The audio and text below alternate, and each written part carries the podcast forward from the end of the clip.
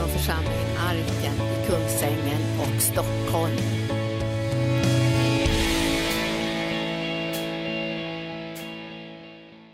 Och vi tackar dig Gud för nåden att få tjäna dig. Det är som förmån. Att få söka din vilja och inte vår egen vilja.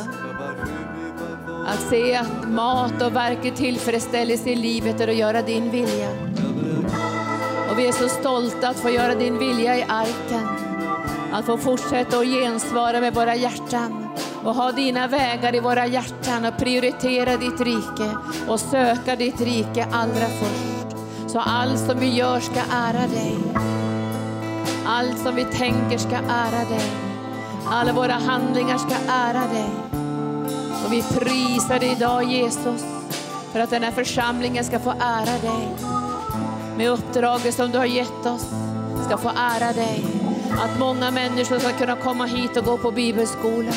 Komma till helande centret, till retreatcentret och få vila inför ditt ansikte. Och vi prisar dig Herre för nåden att få tjäna dig. Och jag ber för varje församlingsmedlem idag att de ska sammanfogas av dig, för det är du som sammanfogar församlingen. Att du ska föra dem till den plats där de ska vara i den här kroppen. Så fullheten av din härlighet ska bli synlig. För det är du som gör det verket Jesus, det är du som sammanfogar. Och sen vet vi att tjänstegåvorna och lederna och scenerna och församlingsmedlemmarna är med och håller ihop den här kroppen. Så Jesus får en kropp i den här världen. Och det är med ögon och öron och hjärta och händer och fötter. Och vi tackar dig Gud för att det är du som verkar. Det är du som gör det här verket Herre. Det är du som kallar och det är du som avskiljer. Och vi prisar dig Herre för att dina tankar och planer ska gå till sin fullbordan. Och vi har Guds fruktan i våra hjärtan. Vi har Guds fruktan i våra hjärtan. Vi leker inte kyrka, vi sliter inte hit och dit och far åt alla håll. Vi har Guds fruktan. Vi tjänar dig Jesus, den levande guden. Och vi är i den levande Gudens församling. Och vi vet hur vi ska bete oss i den levande Gudens församling. Och vi tackar dig Herre för Guds fruktan. Och vi prisar dig Gud för vördnad i våra hjärtan. Kärlek till den helige Ande, till Jesus och till Fadern som är ett. Och nåden att få se så många sidor av Guds väsen. Och vi vet Herre, när vi möter Jesus så möter vi både Anden och Fadern. Och när vi möter Fadern så möter vi både Jesus och Anden. Och när vi möter Anden så möter vi både Jesus och Fadern. Och vi tackar dig Gud för fullheten av din härlighet ska uppenbaras i våra liv och i församlingens mitt. I Jesu Kristi Nazarens namn. Amen. Halleluja, tack för denna fina lovsång. Ska ni ge dem en kärlekens applåd? Det är viktigt med kärlekens applåder, för det är inte bara att man är på en konsert, utan det är ett erkännande till Gud. Att de här lovsångarna är kallade av Gud. Så vi applåderar inte som på, på en opera eller någonting, utan vi erkänner att det här är en lovsång som Gud har välbehag till och därför applåderar vi och erkänner att Herren har smort de här syskonen och de har blivit kallade och de har blivit avskilda och därför har de också den här platsen på den här plattformen. Halleluja, underbart att ni är här idag. Och jag har lite tid på mig här till årsmötet och ni som är gäster går ju ut och fika först. Det är ett ganska kort årsmöte och sen har vi också möte igen klockan 17 då vi ska gå ner i floden. Halleluja. In the river av liv och hälsa. Jag skulle önska att ni lyssnade lite extra noga den här förmiddagen, för jag tror att det jag säger idag har en profetisk dimension. Att det är någonting särskilt som Gud vill säga idag in i våra hjärtan. Igår hade vi ett möte klockan 17 till ungefär klockan 7, halv 8 som hette Nej till antisemitismen. Och vi var väl ungefär drygt 150 personer här. Det var människor från Arken var med här och som, människor som kom utifrån. Och det var arrangerat av Israels vänner. Och då var det flera talare här, bland annat eh, Tommy Lilja var talare. Och så var det Marcus Strömberg som har varit EU parlamentariker som nu arbetar som kommunikatör för pingst. Så det var väldigt intressant att lyssna till det här. Och vi de berätt, var lite olika infallsvinklar, men man talar om då antisemitismen. Och det finns ju väldigt många semitiska folk, det vet vi ju. Men antisemitismen är ju egentligen judehatet. Alltså det hatet mot det judiska folket. Och det börjar ju för tusentals år sedan när, när Israels barn, då kan man säga, Israels barn var i Egypten. Då skulle man döda alla gossebarn och kasta dem i Nilen, det vet ni va? Men visst var det bra att de här barnmorskorna hade samvetsfrihet. Och, och, när de kom fram till de här judiska kvinnorna som började föda sina barn så lydde de inte farao. Jag tycker om det. De lydde inte farao, så sa de så här, ja men de här kvinnorna var så starka så barnen var redan födda innan, innan vi hann dit. Och de, det var ju inte sant, men det står så här, men Gud välsignade dem för de fruktade Herren. Sen vet vi också att i Babylon, Israels barn blev ju fördrivna över hela världen. Nu finns Israels folk, kan man säga, i alla världsdelar i hela världen faktiskt. Och nu håller Gud på att kalla hem dem till sitt eget land. Men då var det Babylon. Då tycker jag om det här med Ester som reste sig upp i mod. Och så kunde hon hindra den här utrotningen. Och så kom ju Hitler och så ser vi det här, hur det här liksom över hela världen så ökar den här äh, förföljelsen mot judarna. Och då måste du och jag veta vad det är som är bakom kulisserna. Det är Satan. Det är Satan som är verksam i det här, därför han är jätterädd förstår ni. Han kan inte Bibeln så bra, han förstår inte Bibeln, han vet någonstans att hans tid är kort och Jesus kommer snart tillbaka och att Gud vakar över sitt ord. Han kommer hämta det judiska folket från öster och väster, norr och söder och föra dem tillbaka till Israel. Där att de ska få sitt eget land, ett eget hem. Och det här tycker jag är väldigt härligt att se hur bibelorden och löftena går till sin uppfyllelse. Det är inte alla löften som har gått till sin fullbordan om man jämför gamla till nya testamentet. För en del löften ligger på framtiden också. Men det är väldigt, väldigt spännande att vi från arken får vara med i det här skeendet.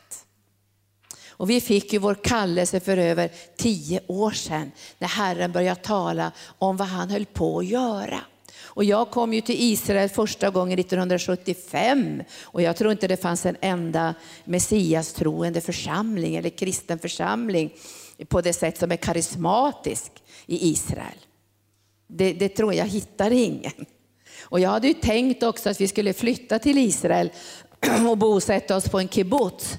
Men, men på den tiden, 1975, så fick man inte ha barnen i sitt eget hem på kibbutzerna, utan man lämnade in barnen när de var 14 månader. Och så hade man barnkibbutz därför att man skulle jobba så stenhårt för att bygga upp det här landet. Och då kände bara jag så här att det, det tror jag inte att jag klarar av, därför att det är alldeles för tufft. Och när vi är i Israel så möter vi de här unga soldaterna, man tycker bara att det är småungar pojkar och flickor som, som får tjäna som soldater under två år i Israel så tjänstgör ju alla obligatoriskt. Och när vi möter dem tänker vi, det är bara småungar.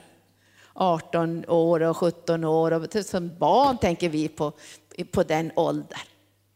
Men de älskar sitt land, de älskar sitt land.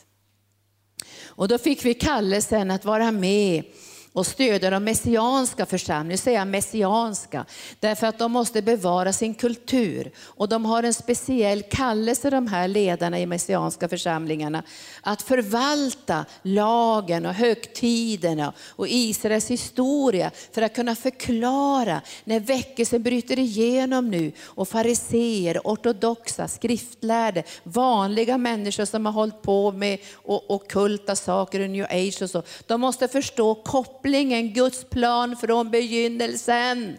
Så de har ett speciellt ansvar av det här förvaltarskapet. Det betyder inte att de här messianska församlingarna ska leva på annat sätt än vi som lever i nåden. De ska leva av nåden för samma sätt som vi i det nya förbundet. Men de har ett särskilt uppdrag att förvalta sin historia och kunna förklara. Kommer ni ihåg på pingstdagen hur Petrus förklarade? Alltså alla stod ju bara så här, vad är det som händer? Är de druckna av nytt vin? Vad, vad, är det här för någonting? Då stiger Petrus fram och förklarar. Det här vänner står i Joels bok. Jag kan ju massor i gamla testamentet, men det är de messianska församlingar som måste förvalta ännu mer sin historia. Så när väckelsen bryter fram så är det inte bara västerländska kyrkor, förstår ni? Det, att det är någon amerikansk kyrka eller något, att det är bara en västerländsk kultur i Israel. Utan när de här judarna blir frälsta så måste de känna igen någonting i sina församlingar. Men vi lever inte av lagen i messianska församlingar, det tror inte vi. Utan vi lever precis på samma sätt som här i arken. Vi lever i nya förbundet genom Guds nåd. Halleluja. Men de har ett förvaltarskap och det är det som vi hjälper dem också med, Förvalt förvaltarskapet. Så att de ska kunna förvalta och förstå kopplingen mellan nya och gamla testamentet. Nu, nu säger jag, ska jag säga det profetiska här nu. Nu, nu ser vi att det här förföljelsen mot judarna kommer att öka. Och nu ska jag säga till dig här idag, du får prata med Gud om det sen, förföljelsen mot kristna kommer att öka. Alltså det kommer, om vi säger det har gått parallellt så här nu juda, förföljelse mot det judiska folket och så förföljelse mot de kristna. Du vet vad som kommer att ske? Det kommer att komma samman så här. Därför att djävulen vill inte att Guds plan ska gå till sin fullborda. Därför att hedningarnas dörr håller på att stängas, vet ni det? Därför att Gud bestämde att Israels folk skulle få en täckelse. Varför det? För vår skull. För att vi skulle kunna bli frälsta. Om de inte hade fått en täckelse hade vi inte kunnat bli frälsta. Det är därför de ser inte. Men den håller på, den håller på att försvinna. Och det hörde vi igår när vi talade här. Så talade bland annat Tommy Lilja om hur den här täckelsen håller på att försvinna. Och när, när de står och ber vid, vid, vid, muren och ropar, och man går nära de här, de här ortodoxa så ropar de Messias kom, Messias kom, Messias kom. Och plötsligt bara uppenbarar sig Jesus. Det är både judar och muslimer som börjar se Jesus nu, för täckelset håller på att försvinna. Vad är det som händer då? Jo, dörren för hedningarna håller på att stängas, förstår ni? Det är bara några stammar, kanske i någon djungel någonstans, som ännu inte hört evangelium. Men vet ni att nu är evangelium, Bibeln snart översatt på alla språk. Så det är nästan inga folk över världen som inte har hört evangelium. Så dörren för hedningarna håller på att stängas. För vi går in i den sista tiden. Och därför är det bråttom nu för oss.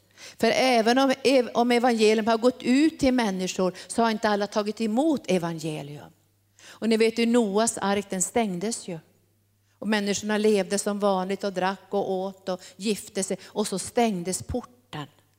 Och ni vet den här rike mannen och Lazarus han som bara levde i överflöd och Lazarus satt där och, och, hundarna slickade hans sår och så hamnade han i dödsriket och han säger kan du inte skicka någon och varna mina bröder? Då blir det plötsligt viktigt. Det här med evigheten.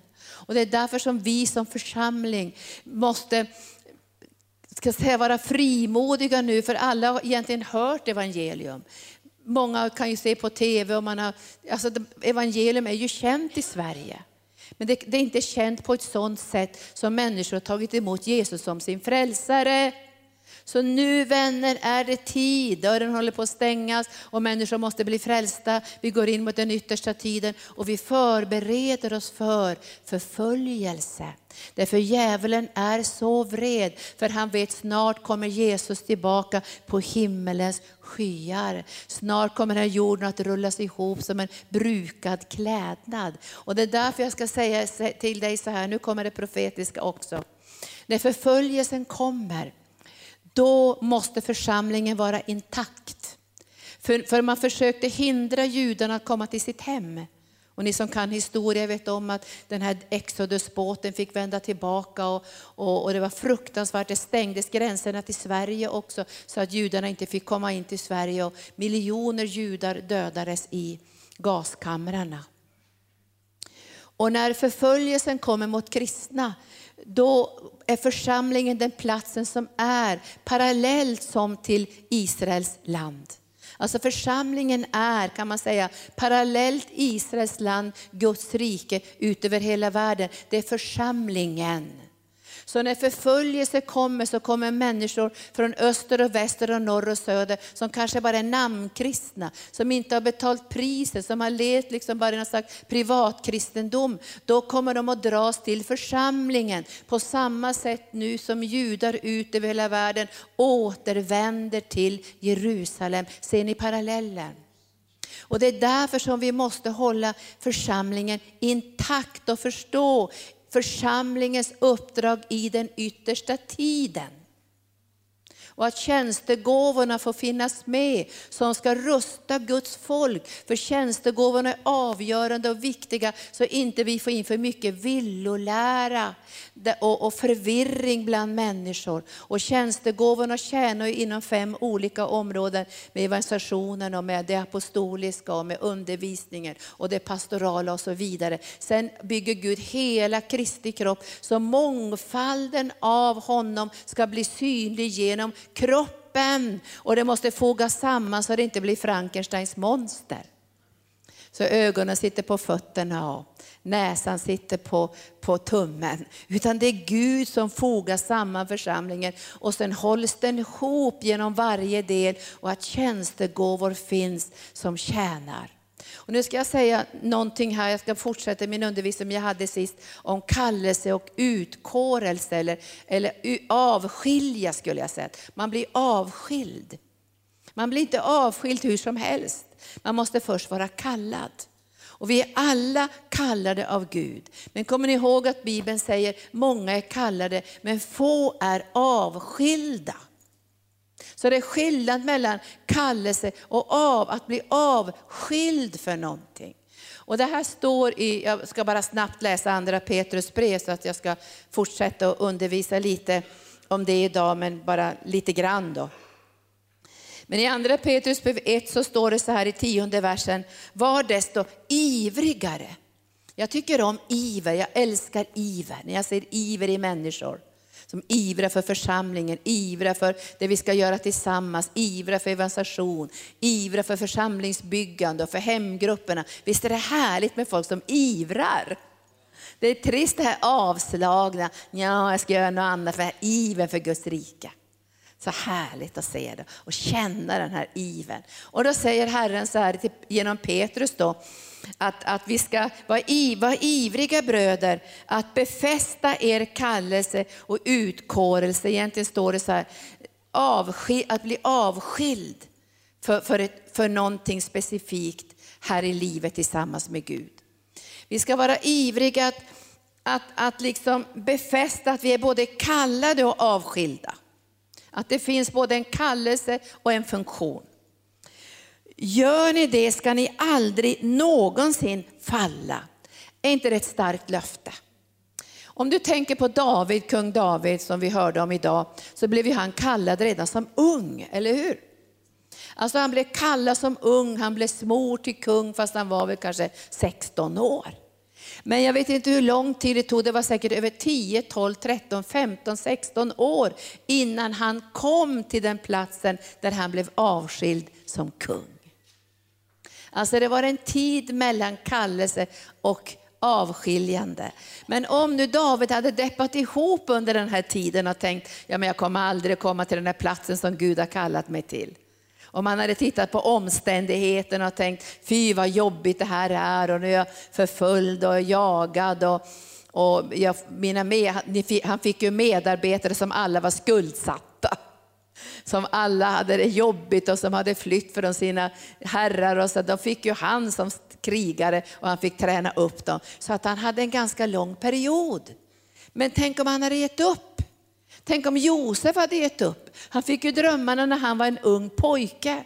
Tänk om han hade sagt, ja det blir väl ingenting med det här och jag får väl ge upp nu och nu sitter jag i fängelse och är anklagad för något jag inte har gjort. Men han visste att han var tvungen att, att göra det här fast i sitt hjärta, att han var kallad och han var avskild. Och det dröjde massor med år innan Gud reste honom upp och han fick den här betydelsen som, som räddade Israels folk och hela Egyptens folk. Ett profetiskt ord, eller hur?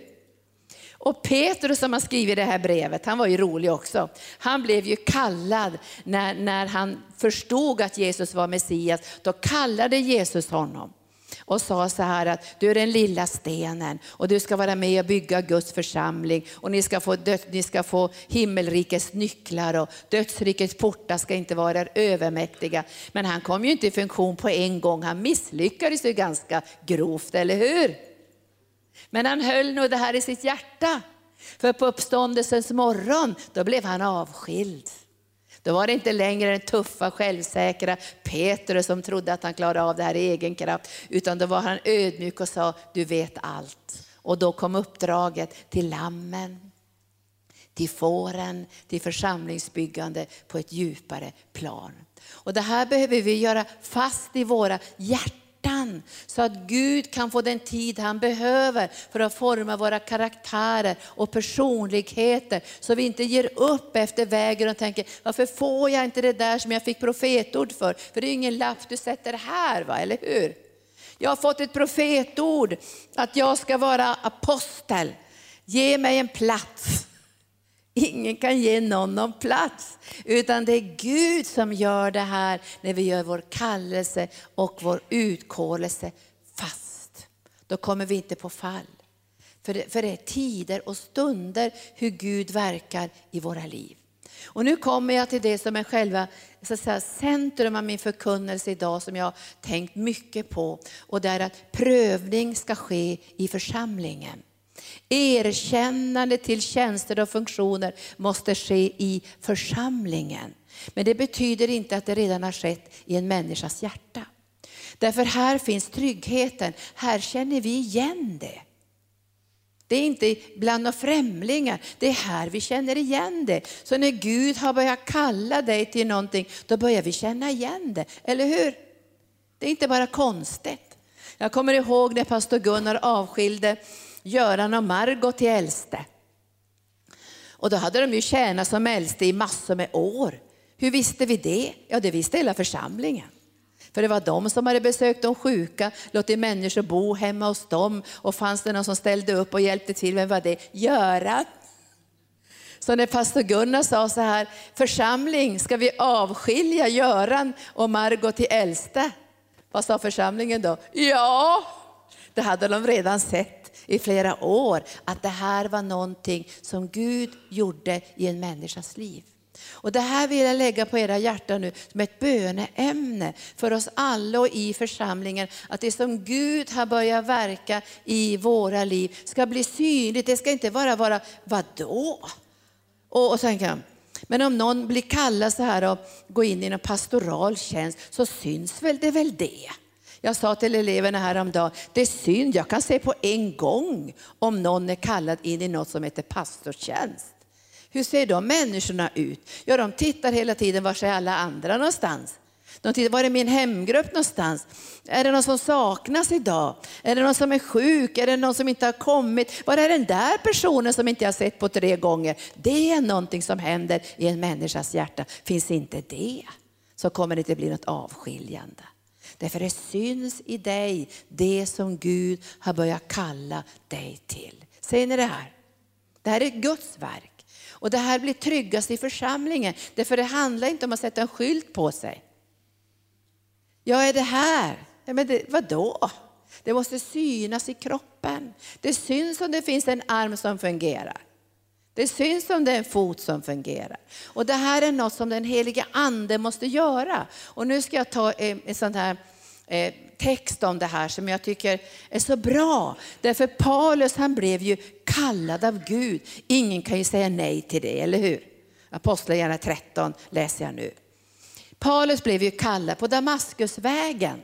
Alltså det bara dånade in Guds kraft i hans liv. Och Jesus säger till honom, jag har kallat dig. Du ska lida mycket för namnets skull. Alltså ingen kan ju komma ifrån att inte han blev kallad där, eller hur? Och, och, du och jag, vi har vittnesbörd om att Gud har kallat oss, men det har ännu inte blivit synligt till sin fullhet. Och jag ska säga det, det tar hela livet. Man börjar liksom börja bli avskild och så, och så kanske det blir mer och mer och mer och det blir en utveckling för man går från härligt till härligt och det blir ett inflytande som man kan få ett ansvarstagande beroende på vilken funktion och vilken kallelse man har och hur man ska få inflytande och påverkan, kanske inte bara över tio personer utan kanske över tusentals människor. Och nu ska vi se här vad som hände. Församlingen är den trygga platsen att känna igen så vi inte får in ulvar. Så vi inte får in främlingar. Utan vi ska känna igen det här i församlingen. Nu, nu pratar jag profetiskt, vi måste känna igen det här. För vi, vi har pratat en, det, träffat en del ledare på nationell nivå och vi har sagt så här, det är tragiskt när församlingen lyssnar mer på en främling än på sina egna ledare. Men det är någonting i den mänskliga naturen. Det vet du som har barn. Du har tänkt att jag har lagt ner mitt liv för de här barnen och stöttat dem och gett dem mat och, och, och husrum och allt det här. Och sen lyssnar de på en främling. Visst är det trist det? Men det här är liksom den syndiga gamla naturen, att det är roligare att lyssna på en främling. Och nu ska vi be till Gud om beskydd för församlingen. Där när förföljelsen ökar så ska människor komma människor och rusa till församlingen. Och det ska vara en helig plats. Det är en fristad och den skyddade platsen. På samma sätt som judarna får sitt land nu. Nu är de ändå attackerade och det kommer vi bli också. Men det kommer bli en fristad. Där Guds rike och Guds härlighet kommer att bli uppenbarad. Och nu ska vi se här, Paulus var inte församlingslös. Han var inte liksom någon privatkristen som jag fick en kallelse av Gud på Damaskusvägen, halleluja, gör väl vad jag vill. Vi har mycket sånt idag, nu talar jag profetiskt. Vi har mycket sånt idag och det här kommer inte, det kommer inte att hjälpa människor och därför är arkens vision för tillbaka de vilsedrivna. Kommer ni ihåg det? Därför det finns ett beskydd i församlingen genom tjänstegåvor, genom hemgruppsledare, genom olika personer. så finns det, finns det ett beskydd i församlingen där vi känner igen det Gud har lagt i människors liv. Och känner vi inte igen det, då kommer ledarna här i arken och säga, vi avvaktar tills vi känner igen det. Och då önskar vi att det finns en sån respekt och kärlek till arken och det uppdrag vi har, att man kan vänta lite grann han. Vad säger ni? Jag, jag är väldigt god vän med Susette Hetting. Och jag har känt henne sedan hon var ung och det är 30, säkert 35 år jag har känt henne. Och hon har varit en otroligt duktig medarbetare till Reine Bonke. Och hon la ner, de la ju ner sitt liv för Einar Bonke och åkte veckor i förväg till de olika kampanjområdena och bad och ropade till Gud. Och sen hon tjänade kanske 20 år med honom då, då började hon känna så här att ja, men jag skulle vilja jobba i Europa istället. Jag skulle vilja starta något som heter Voice in the City. Och hon hade det starkt på sitt hjärta. Att det här skulle jag vilja starta i Europa. Och, och så jag vet ju hela historien här då, så pratade hon med Reinhard Bonke och sa att jag skulle vilja starta i Europa. Vad säger du om det? Kan jag lämna den här ministern nu och, och Afrika och allt det här och, och starta den här ministern i Europa som heter Voice in the City? Och då sa Reinhard Bonke så här, nej det tycker jag inte du ska göra. Utan du har en tid tillsammans med mig fortfarande. Men när den tiden är över och vi känner en samhörighet och en samsyn i det här, då kommer vi att avskilja dig för Voice in the City Europa. Och vi kommer att stå bakom dig som organisation och stödja dig. Och jag var ju med i hela den här processen. Och jag var med också när Reinar Bonke skickade brevet till alla ledare över hela världen och sa, jag välsignar Suzette Hetting. Nu är det hennes tid att ta de här stegen och vi känner igen den här kallelsen och hon har vilat i den här kallelsen och låtit den gro i sitt hjärta och mogna i sitt hjärta så vi har kunnat avskilja henne. Ser ni det här? Vaka över det här. Därför det finns en, en stress och en, en, en kamp i det här att jag är kallad av Gud, jag vill gå ut på en gång. Jag vill ta det här på en gång, men det är ingenting man kan ta. Det är Gud som gör det här. Gode Gud om man hade kunnat ta det, då hade jag gjort, helt, det hade jag gjort på andra sätt också. Tänk om man kunde ta det. Tänk om man kunde fixa det. Tänk om man kunde gå till någon ledare och säga fixa det här för mig och öppna de här dörrarna för mig. Och här har jag pengar som kan öppna dörrarna. Det går inte, men du kan göra det fast i ditt hjärta. Jag gör min kallelse jag gör mitt utväljande fast, så kommer jag inte på fall.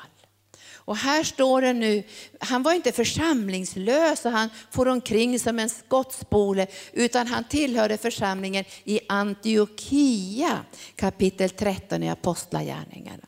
Det är församlingen som tjänster känns igen och det är församlingen som nådegåvor ska prövas. Du kan få en, en, en profetia av en främling, att du ska bli det där och det där och det där och det där. Bli glad när du får en profetia, men det är i församlingen som det här ska prövas och kännas igen.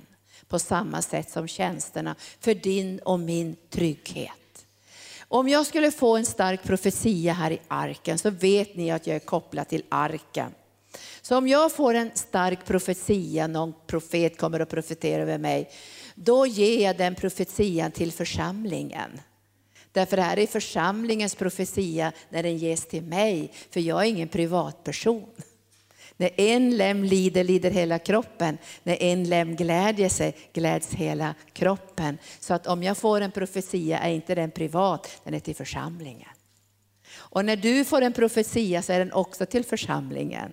Därför att det du har fått ifrån Gud ska bygga upp församlingen. Kan du första Korinthierbrevet 14? Ivra efter nådegåvorna i all dess mångfald så att det ska bygga upp församlingen. Så när det profetiska flödar så är det inte High Chaparral utan det är för att bygga församlingen stark. Så vi ska känna igen och vara trygga med olika funktioner. Därför att det är inte bara att man får höra, du är en profet som ger trygghet, det är att det finns en ödmjukhet, en profetisk smörjelse, det finns tröst, det finns uppbyggelse, det finns uppmuntran. Så vi blir trygga när det profetiska flödar, för nådegåvorna är givna till församlingens uppbyggelse. Låter det bra eller tråkigt det här? Låter det bra? Tack Jesus. Då ska jag läsa om, om Paulus som inte var en, en vingelpettar. I församlingen i Antiochia kapitel 13, versen 1 fanns det profeter och lärare. Alltså det, finns, det fanns både scener och leder. Om det bara är scener så blir det väldigt tråkigt i församlingen. Då blir det scendrag. Då kommer vi ingenstans. Men finns det bara leder så blir det så här. Det, det, blir ingen stabilitet och ingen ordning och ingen styrka. Så här i församlingen fanns det tjänstegåvor som gav en stabilitet och styrka till det som Gud skulle göra. Och då räknade de ju upp olika namn då. Barnabas och Simeon som kallas Niger, Lucius från Kyrene, Manaren som var fosterbror till landsfursten Herodes samt Saulus och de tjänade Herren och fastade. När de tjänade Herren och fastade, då sa den helige Ande. Och jag skulle önska, och jag har talat med många ledare, att det är väldigt, väldigt farligt när församlingarna slutar ge utrymme för den helige Ande. För då blir det inte ett utväljande som handlar om den andliga utväljandet. Nu talar jag profetiskt igen. Jag har sett sammanhang där de väljer folk, så tittar de, är det någon som är, det någon som är duktig? Åh, den där är läkare, den väljer vi. Fast den har varit frälst i två veckor. Ja, men vi har ju en jurist, den väljer vi. Han har ju den rätta utbildningen. Där är någon som är doktorand, den väljer vi. Därför att när anden inte får verka så väljer vi fel. För när anden verkar som Gud och den heliga ande kan lyfta upp det han har kallat människor till. Och det är för oss viktigt här i arken, att veta vad har Gud kallat människor till. Och vi, vi känner ju igen det här, för det bygger upp församlingen. Var än jag är i världen, nu var jag ju på The River i, i Finland och nu ska jag till Citykyrkan i Finland. Men var än jag är så tjänar jag andra församlingar i deras vision. Men jag bygger här arken. Det är arken som ska byggas för framtiden och för uppdraget så måste arken byggas. Och därför vet jag när jag pratar med människor i arken, bygger de arken eller bygger de någonting annat? Och bygger de någonting annat då tror inte jag att de kan avskiljas. För de måste ju bygga arken för att kunna avskiljas på den här platsen. Men det är ett verk av den helige Ande. Så därför är det så viktigt att vi har mycket av Guds ande så vi inte väljer fel och tänker men det ser ju snygg ut. Ståtlig. Det är inte säkert den som är ståtlig som blir utvald. Kommer ni ihåg profeten tittade på sju killar, ståtliga och snygga var de. Och profeten sa, den måste det vara. Och den är ju snygg och ståtlig. Och den har den rätta utbildningen. Och den är ju snäll och fin. Och, och Herren sa, nej, nej, nej, nej. För jag ser inte till det naturliga, jag ser till hjärtat. Och så valde han den där lilla killen ute på, bland får, i fårhagen som hette David. Och nu ska vi, nu, jag vill att ni ska se det här, för det här är avgörande nu när förföljelsen kommer att kross, korsa den judiska förföljelsen, den kristna förföljelsen, för vi går till ändtiden. Och snart kommer Jesus på himmelens skyar. Var rädd om församlingen. Var rädd om församlingen. Det är enda räddningsplatsen för de kristna och det är räddningsplatsen för judarna att de ska få komma till de messianska församlingarna. Och att de är sunda, de är starka, de har bra ledarskap, de har utrymme för den helige Ande. Vi vakar över det här, för församlingen är räddningsplatsen för hela mänskligheten. Och nu läser jag om det här. Vad säger anden då för någonting? Vad säger anden? Ja, det står så här i, i versen 2. Avskilj Barnabas och Salus åt, åt en uppgift som jag har kallat dem till. Det hade funnits en kallelse tidigare. Det här har jag kallat dem till. Nu ska de här avskiljas i församlingen. Och man kände igen det här i församlingen. Jag tror att det var inte halva församlingen som sa, nej fy, de där ska inte avskiljas. Jag tror att alla kände, det är klart att de ska avskiljas. Det här har vi sett i deras liv tidigare och det fanns en timing för det här avskiljandet. Och sen, nu tycker jag det här är så intressant. Det var inte bara så, hej då, nu är ni avskilda, nu sprang de iväg och öppnade dörren. Nej, nu var det ytterligare en tid, nu står det så här, lyssna noga nu. Avskilj Barnabas och Salus åt mig för den uppgift som jag har kallat dem till. Då fastade de och bad. Då gjorde de ytterligare en tid, för nu skulle det bli handpåläggning. De la händerna på dem och så skickade de iväg dem. Och alla nu som mötte Paulus och Barnabas kände trygghet. Det var inte High Chaparral, var kommer du ifrån? Ja, jag kommer från, inte vet jag. Det kom någon för några år sedan till pastor Gunnar från Norge och tåg hela natten. Helt svettig kastades in i tvåans klassrum på gamla arken. Jag har ett profetiskt ord. Och då frågade pastor Gunnar, vem är du? Han sa sitt namn. Var kommer du ifrån? Jag kommer, han berättade var han kom ifrån. Är du sänd från någon? Tillhör du någon församling? Har du något ledarskap? Nej, jag tror inte på ledarskap och församling, utan jag är en enastående profet. Den största av alla som inte behöver någon församling. Då sa pastor Gunnar så här, ja men då vill jag tacka så väldigt mycket att jag vill inte ha del av din oordning. Hej då. Nu vart det tyst. Därför att när Paulus och Barnabas reste sen, förstår ni, då var de trygga. För det kom falska lärare sen till församlingarna och då säger man så här, men de är inte sända av oss. Det, det var falska lärare som förde in all möjliga konstiga saker, men de är inte sända. Det fanns en trygghet. Med den här handpåläggningen så fanns en trygghet i den heliga ande att människor var avskilda sända av Gud och igenkända i sina funktioner. Men jag säger igen, det här är ingenting som vi fixar. Inga hemgruppsledare kan fixa det här, inga ledare kan fixa det här. Inga tjänstegåvor som kommer från andra länder, inte ens om vi säger Benny Hinn kommer eller någon stor förkunnare som kommer hit. Inte kan de fixa det. Och även om, jag, om du och jag skulle få de mest häftiga profetier så kanske det inte blir någonting av det ändå, det blir en tumvante. Därför att det är Gud som gör det här. Men när Gud säger saker så tar vi in det i våra hjärtan. Och vi gör vår kallelse och vårt utväljande fast och vi glädjer oss över när, när vi hör profetiska ord till den unga generationen här på arken, när Herren börjar tala till deras liv om vad Gud ska göra. Så här, de ska bli evangelister och de ska bli framtidens herdar och ledare och Herren talar till Så vet vi att det inte är imorgon eller nästa måndag.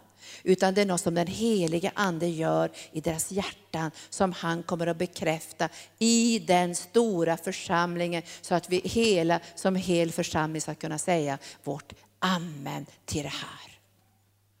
Och nu lägger jag det här på era hjärtan, att det här måste vi bedja. För församlingen kommer att växa.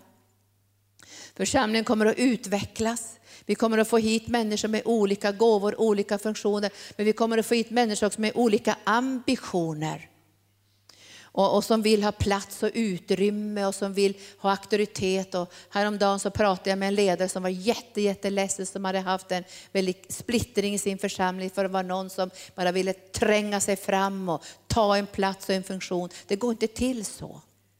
Man känner igen det i församlingen.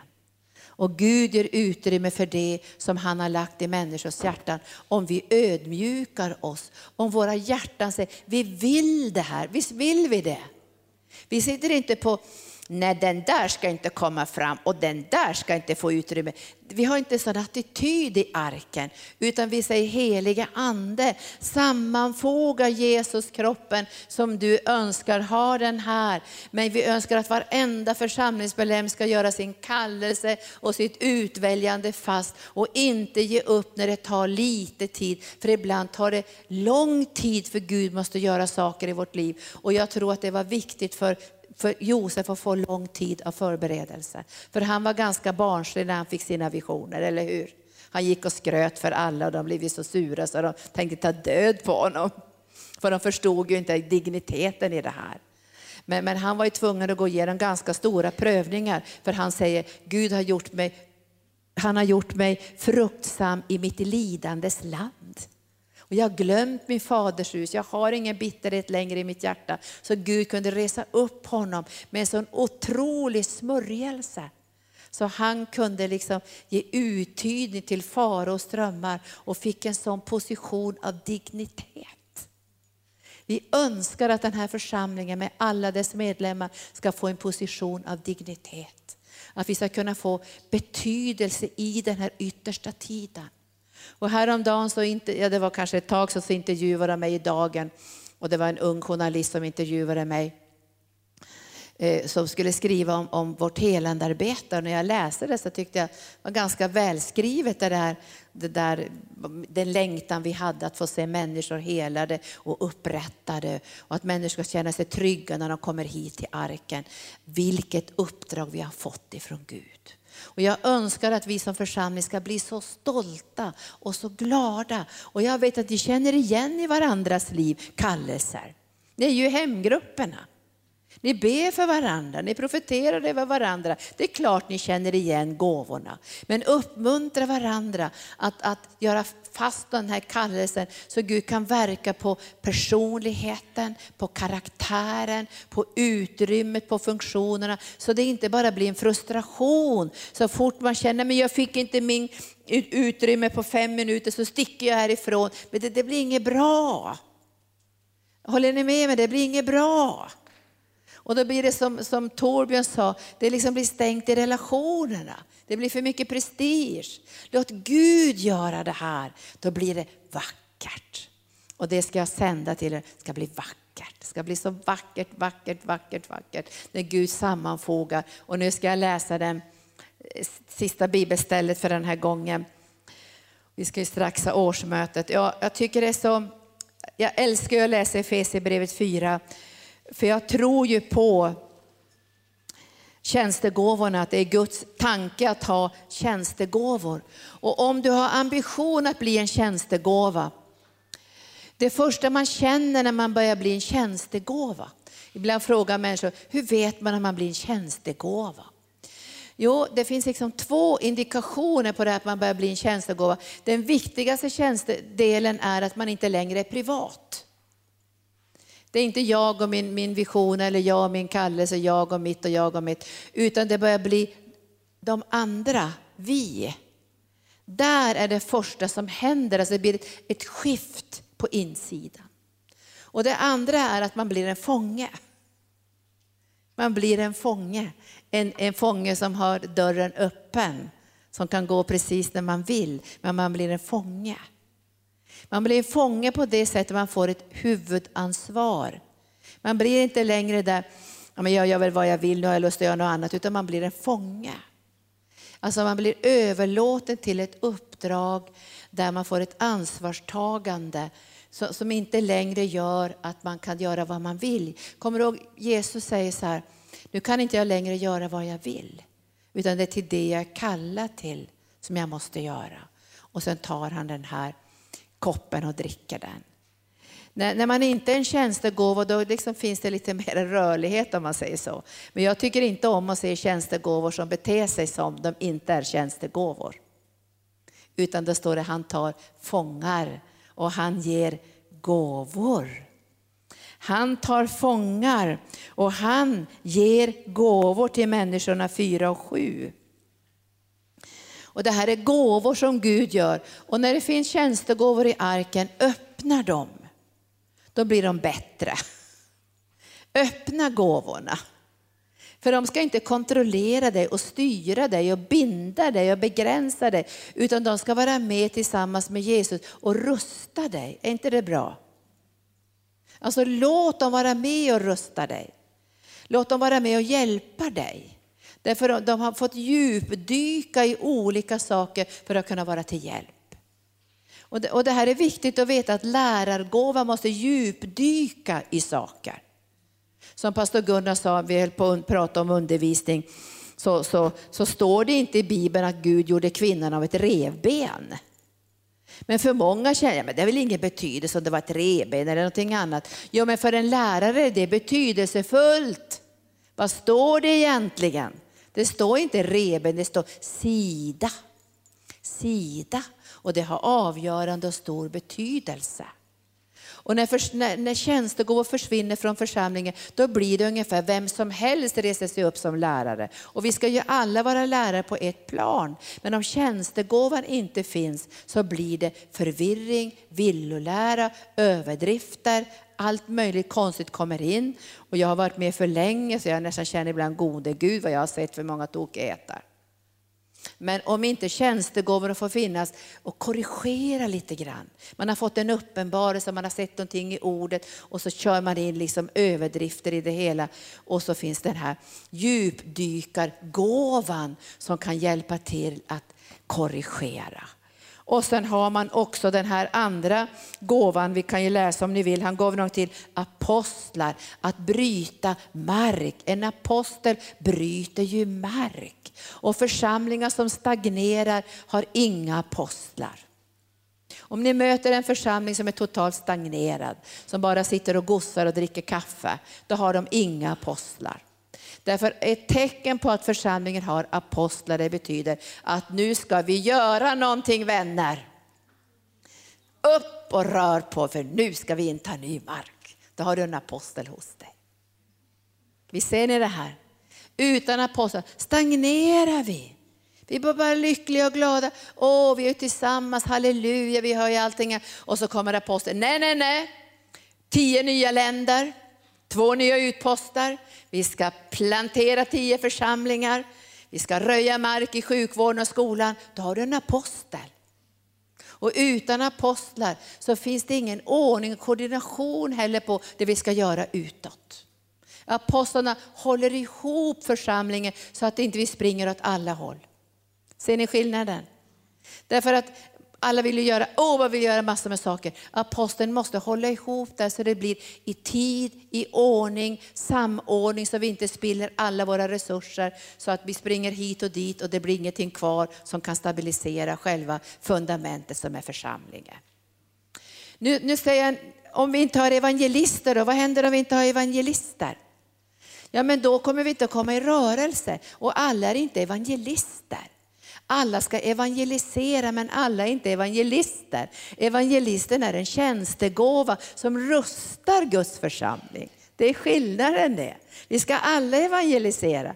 Men tjänstegåvan, evangelisten har fått den här utrustningen för att rusta oss alla så vi alla är med i någon typ av evangelisation hemma eller på jobbet eller vad som helst. Så tjänstegåvan, evangelisten, ser också till att det inte blir hur snurrigt som helst i evangelisationen. Så vi inte står med ett plakat nere vid Kungsängens torg och, och så har vi ett plakat där det står, ni ska till helvetet, ni som inte tror. Vi har sett sådana plakat. Då kommer evangelisten och säger nej, nej, nej, sådana här traktat ska ni inte ha, sådana här affischer ska ni inte ha. Och så stabiliserar evangelisten församlingens evangelisationsarbete. Predikar jag bra? Nu förstår ni det här va?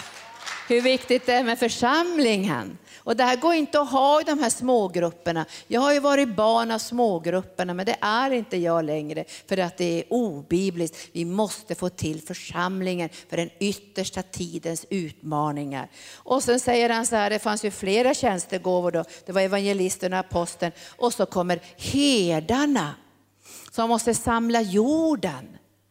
Och vi behöver underherdar som har det här herdekänslan i sitt hjärta. Alla hemgudsledare måste ha någonting av den här smörjelsen från huvudherden som, som är Jesus och som det herdeskap som Gud avskiljer i församlingen.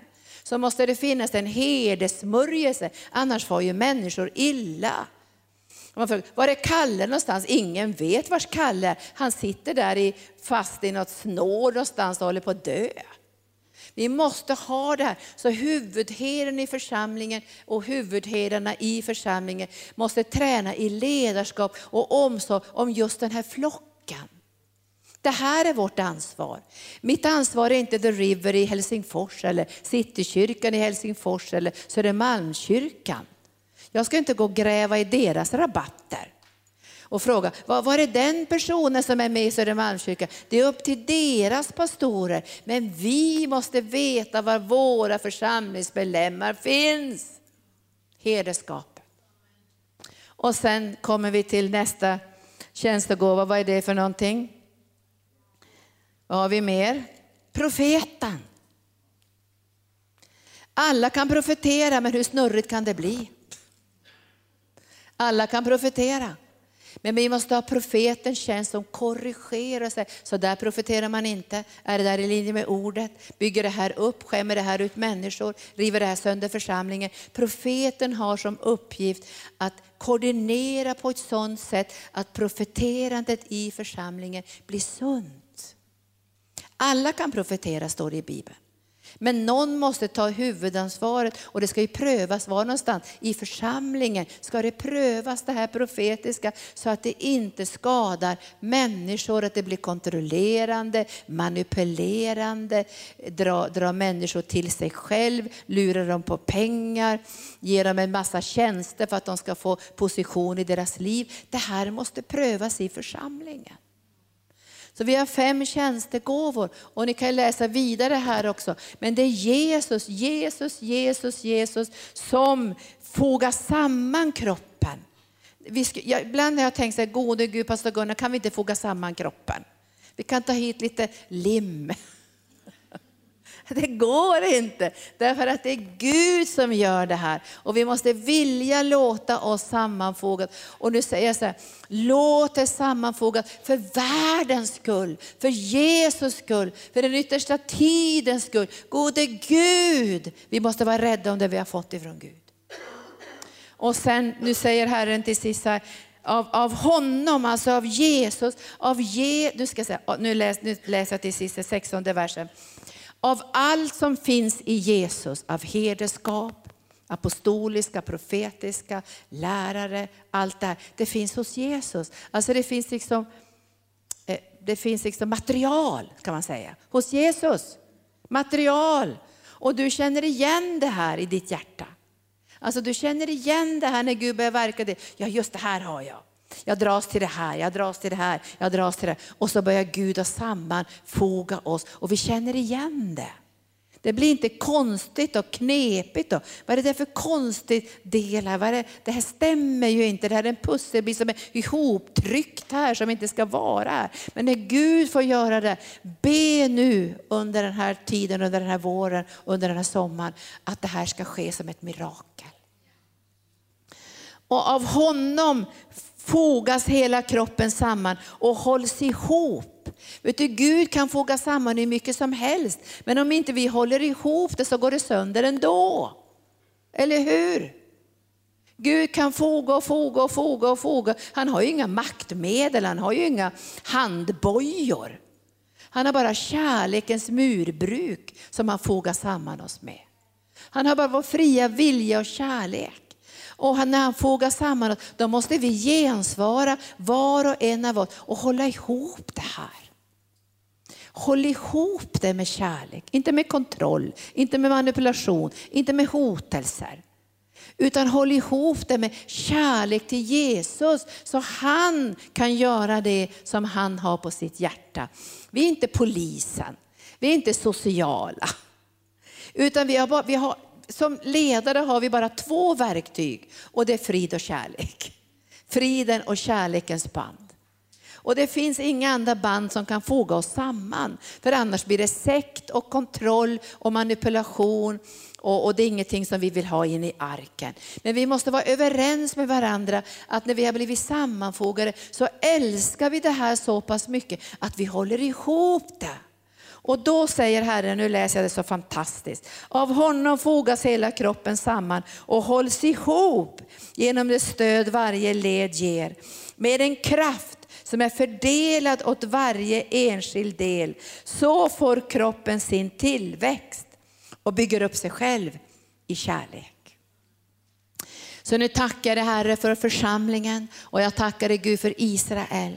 Vi kan se att vi går mot den yttersta tiden och hur du Gud föder messianska församlingar över hela Israel som ska ha helande, sunt ledarskap, som ska ha alla fem tjänstegåvorna, som ska förvalta i Israel traditionen och löftena och hela historien för att kunna förklara när väckelsen kommer för alla de här ortodoxa judarna och alla judar som är sekulariserade att förstå kopplingen mellan nya och det gamla förbundet. Och vi ber det heliga Ande som ska få leva i nåden, inte under betryck och lagiskhet utan ska få leva i nåden för att kunna visa sitt folk i Israel den frihet som anden ger av kärlek, av av, liv och hälsa utifrån alla dina underbara löften Jesus. Och jag lyfter nu församlingen Arken men också församlingar över hela Sverige idag och Norge och Finland och Island och Danmark. Att vi ska få utrymme för den helige Ande så vi kan känna igen nådegåvorna och tjänsterna och kallelserna och allt det du gör i människors liv så det ska bli ett naturligt, övernaturligt avskiljande så vi kan glädja oss över det som du gör i människors liv. Och jag ber dig helige Ande att i den här friheten finns det ordningar som respekteras så inte församlingen går sönder utan det ska bli en sunt avskiljande, en kärlek som flödar, en handpåläggning som ger dignitet och auktoritet och trygghet. Och jag lyfter nu ledarskap i arken, hemgruppsledare, alla funktioner som finns här, allt ifrån mötesvärdar till banarbetare, till de som arbetar på olika platser i kafeteria, i bokbord och evangelisation och utåtriktat missionsarbete arbete, skola och förskola. Jag ber dig Herre att du ska sammanfoga oss med kärlekens murbruk, att vi ska kunna känna varandra så i hjärtat, att vi ska kunna ha en fullständig enhet i det som du har lagt på den här platsen i våra hjärtan. För vi bär inte arken i en oxkärra, vi bär inte arken som i gamla förbundet på stänger på våra axlar. Vi bär arken i våra hjärtan med tacksamhet och kärlek över den underbara kallelse och uppdrag som du har gett oss. Kom helige Ande och smörj dina ledare och smörj församlingen. Smörj alla gäster, smörj alla våra underbara partners, alla missionsvänner och alla stödjare. Att de ska få del i det som du gör på den här platsen. I Jesu Kristi Nazarens namn. Amen.